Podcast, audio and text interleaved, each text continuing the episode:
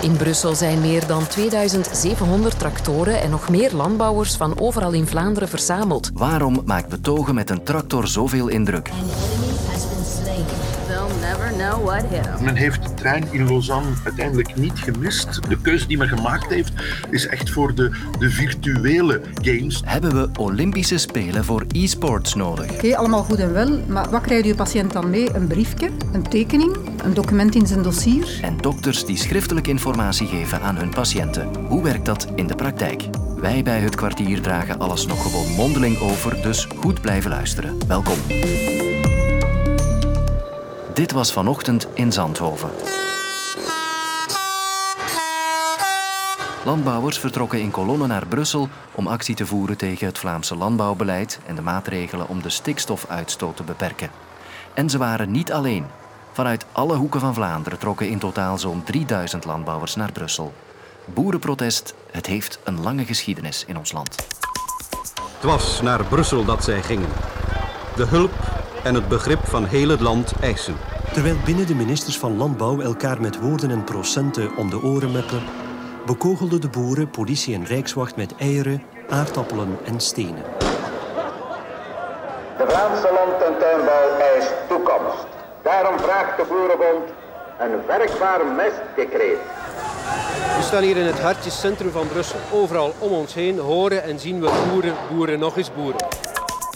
En ook vandaag trokken de boeren traditiegetrouw naar Brussel met hun tractoren. Dat zorgt voor heel wat hinder op de weg en voor indrukwekkende beelden. Maar helpt dat? Levert betogen met een tractor meer op dan actievoeren met een slogan op een kartonnen bordje? Dat is mijn vraag. Ik ben Ruud Wouters, ik ben professor aan de Universiteit van Tilburg voor het departement Sociologie. En professor Wouters doet onderzoek naar sociale acties. Ik denk dat de essentie van protest is het maken van een indruk. Een betoging is een soort van communicatieve daad, een vorm van impressiemanagement, waarbij de betogers eigenlijk een signaal uitzenden naar allerlei verschillende actoren in de samenleving. Bijvoorbeeld naar journalisten, hè, besteed aandacht aan ons. Naar burgers, hè, probeer je eens met ons te identificeren. Hè. En ook naar politici, kijk eens naar ons, wij zijn best machtig. Dus ik denk dat voor boeren specifiek het natuurlijk wel geldt dat betogen met tractors een heel authentieke manier is om uh, dergelijk signaal de samenleving in te sturen. Ja, het is luid en het valt op. Dat helpt natuurlijk ook om aandacht te krijgen, toch? Ja, een beetje een uh, kwestie van leven of dood voor protest is, wordt het opgepikt door uh, journalisten of niet. En dus betogers proberen dan eigenlijk hun protest zo nieuwswaardig mogelijk te maken. Ik herinner mij ook iets, maar ik weet de naam van de minister niet meer, mest over een auto kappen of in Brussel liters melk, omdat de melkprijs zo laag stond over de straatstenen uitspuiten. Ik denk dat het een, een groep is, of een beroepsgroep, die omwille misschien van hun tanende vertegenwoordiging in de samenleving en hun tanende link met bepaalde partijen, vooral voor uh, spectaculaire actiewijzen uh, kiest. Is er een link tussen het lawaai of de hinder die je veroorzaakt en resultaten? Wordt er naar de boeren meer geluisterd dan? Een, een, een directe link, dat denk ik niet. Ik denk wel dat spectaculaire acties, dat je daar dus sneller een luisteroor vindt bij journalisten, dus dat het, dat je media-aandacht oplevert. Maar ik kan mij ook heel goed inbeelden dat het contraproductief uh, werkt uh, bij het grote publiek en dat daardoor politici eigenlijk ook heel makkelijk het signaal van die uh, boeren naast zich neer uh, kunnen leggen. Want het heeft toch geen steun vanuit de publieke opinie. Ja. Zijn de boeren de enigen die gebruik maken van hun tractoren om een punt te maken? Ik herinner mij een, een betoging van uh, brandweermannen in Brussel die uh, met hun brandweerwagens naar buiten reden en het, het, het kabinet van een bepaalde minister onder water zetten. Als de Brusselse brandweerlui hun eisen hard willen maken, dan brengen ze daarvoor het gepaste gerief mee.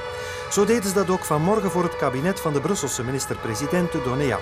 Dus ja, je hebt uh, uh, vanuit bepaalde beroepsgroepen heb je bepaalde middelen die maken uh, dat je die kan inzetten om je betoging spectaculair te maken en nieuwswaardig te maken. Ja. Je zal maar boekhouder zijn en willen betogen, dan heb je eigenlijk niks om in te zetten dan om, om aandacht op te eisen, als ik het zo hoor.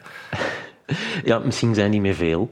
Dus uh, dan kunnen ze indruk maken door met heel veel boekhouders op straat te komen. Ja, want dat speelt natuurlijk toch ook. De macht van het getal is soms ook belangrijk. Ja, om indruk te maken heb je een, een reeks van factoren. Ze willen zo waardig mogelijk overkomen, zo eensgezind mogelijk, zo numeriek sterk, zo toegewijd mogelijk. Maar ja, niet elke beweging heeft al die hulpbronnen voor zich.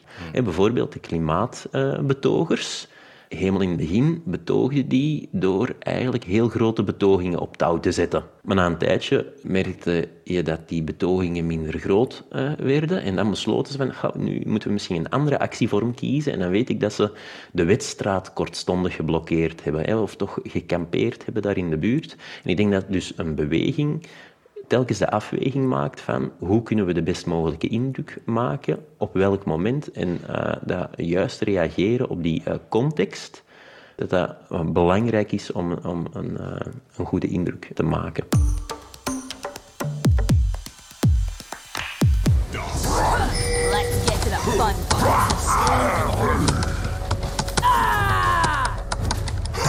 Dit geluid associeer ik toch vooral met donkere tienerkamers. Maar binnenkort gaan de Olympische Spelen in Singapore ook zo klinken.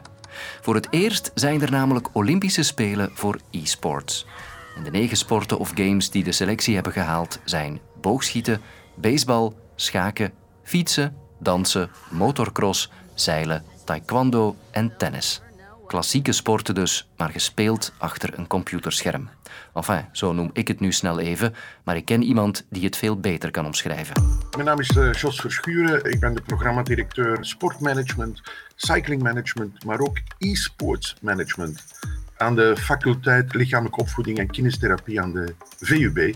Als we dat heel scherp stellen, zijn e-sports alle professional games in die zin, als je het speelt en je behoort bij de top in de wereld, kan je er een goed leven mee leiden.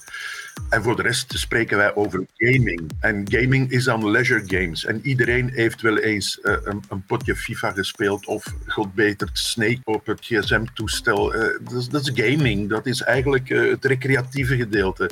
Wanneer het gaat over e-sports, dan, ja, dan verwijst men heel snel naar het professioneel beoefenen van electronic games. Duidelijk. Maar waarom heeft het Olympisch Comité nu gekozen om ook voor e-sports Olympische Spelen te organiseren? Hoort dat daar wel thuis? zeer strategische keuze eh, daar aan, aan de boorden van het meer uh, van Genève in Lausanne. Uh, omdat men weet, uit, uit onderzoek blijkt dat jeugd en Olympische Spelen was hoe langer hoe meer uit elkaar aan het drijven. En ja, als die jeugd, die eigenlijk de toekomstige fans zouden moeten worden van Olympische Spelen, als die en cours de route de smaak niet te pakken krijgen van Olympische Spelen, of het nu zomer- of winterspelen zijn, ja, dan, dan verlies je voor een stukje bestaansrecht. Dan heb je alleen maar dertigers, veertigers, vijftigers en ouderen die, die wakker liggen van fantastische prestaties van, van atleten. Men heeft de trein in Lausanne uiteindelijk niet gemist. Men springt erop. Weliswaar nog steeds in een verkennende fase. Men heeft een keuze moeten maken van bepaalde games. De toekomst zal uitwijzen of, of het juiste keuzes zijn. De keuze die men gemaakt heeft, is echt voor de, de virtuele games, de virtuele sportgames. Soms wordt wel eens gezegd de sports e-sports. En dan gaat het over virtual regatta, virtual taekwondo, e-rowing, e-sailing, e-baseball. Er staat ook uh, schaken tussen. Dus ja, men kiest voor de sport e-sports. IOC maakt keuzes en de toekomst zal uitwijzen of het fijne keuzes zijn om de die jongere generatie die men aan het kwijtspelen was, om die terug te bereiken en te beraken. En, en ook vooral te verleiden om via virtual games misschien de smaak te pakken te laten krijgen van echt taekwondo, van echt boogschieten, et cetera, et cetera. Dus daar probeert men een brug te maken tussen enerzijds ja, het virtuele, maar in de toekomst hopelijk ook het reële. Zodanig dat die Generation Z, zoals wordt gezegd, ja, toch opnieuw wordt gewonnen voor, voor de Olympische waarden van Citius, Altius, Fortius. En misschien wordt het in de toekomst dan wel E-Citius, E-Altius en E-Fortius. Het ligt allemaal heel gevoelig. Hè? De meest bekende zijn de League of Legends, de Call of Duties, de Counter-Strike Global Offensive met een, prachtige manche in het Sportpaleis in Antwerpen uh, eind vorig jaar. Maar dat zijn games die niet stroken met de waarde van de Olympische Spelen. Men uh, bewandelt de voorzichtige weg, wat men vaak doet op het Internationaal Olympisch Comité. Men gaat eerst kijken naar de zeg maar, zachtere versies van virtual games om dan te kijken wat, wat de toekomst brengt. Dat je vrij een dokter kan kiezen, kwaliteitsvolle hulp moet krijgen en je medisch dossier mag inkijken, dat lijkt evident, maar ook dat is wettelijk vastgelegd in de zogenoemde Wet op de Patiëntenrechten. Die wet is meer dan twintig jaar oud, maar intussen is er natuurlijk veel veranderd. En daarom wil minister van Volksgezondheid Van den Broeke de patiëntenrechten moderniseren. Een van de nieuwe regels is dat dokters worden verplicht om schriftelijke informatie aan hun patiënten mee te geven. Tom Goffin is docent gezondheidsrecht aan de UGent en werkte mee aan het nieuwe wetsvoorstel.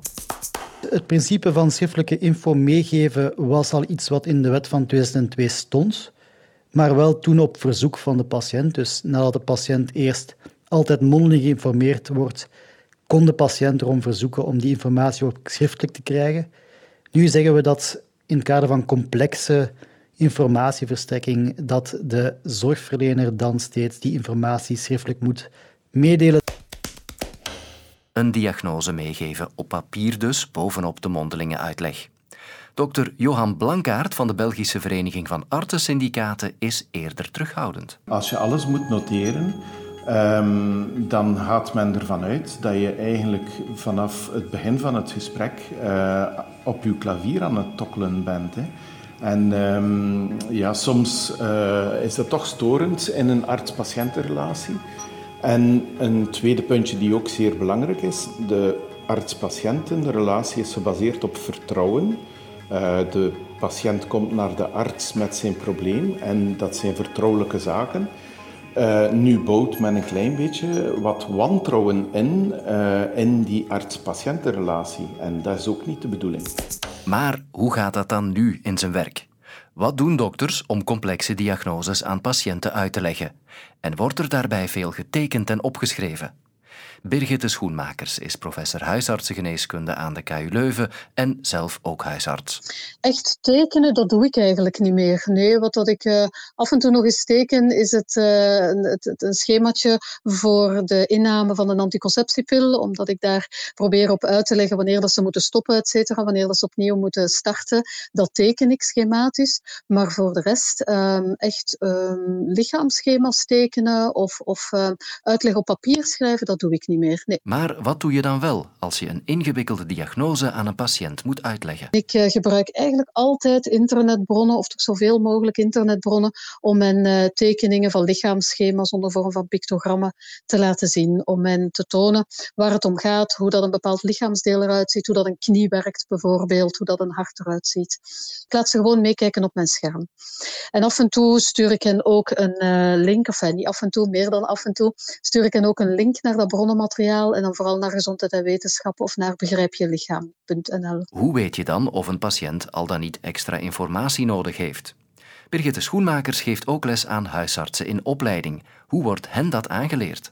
In de opleiding wordt het op dezelfde manier uitgelegd. Er wordt er ook gezegd dat ze aandacht moeten hebben voor de gezondheidsvaardigheden van de patiënt, dat ze moeten weten hoe geletterd de patiënt is. We leren ze dat door uh, hen een aantal heel eenvoudige vragen aan te reiken, waarmee dat ze die gezondheidsvaardigheden kunnen checken. We trainen dat dan ook in rollenspelen. Hè. We gaan scenario's maken waarbij dat ze dan een bepaalde uitleg moeten geven over een ziekte, over een aandoening, over een, een, uh, de gevolgen van medicatieinname bijvoorbeeld. En dan moeten zij trainen in het geven van uitleg. We geven hen uiteindelijk ook de theoretische gesprekstechnieken, de communicatiestrategieën om mensen dingen uit te leggen. Gaat die aanpassing aan de patiëntenrechten dan veel veranderen voor dokters? Ik denk het niet. Ik denk dat de meeste artsen um, sowieso al gebruik maakten van pen en papier, maar door de, uh, ja, de verbetering van websites als gezondheid en wetenschap ze toch heel, wel, heel gemakkelijk daar naartoe verwijzen. En ik zeg het, we leren de studenten ook echt om de patiënt mee te laten kijken op het scherm, ook in het medisch dossier, hè, ook naar onze notities die we maken tijdens het consult. Game over voor dit laatste kwartier van de week. Maandag bekijken we alweer drie nieuwe onderwerpen. Tot dan. Luister ook naar de podcast van de week, waarin Stijn van de Voorde zijn licht laat schijnen over het popnieuws samen met een bekende gast. Nu in de app van VRT Max.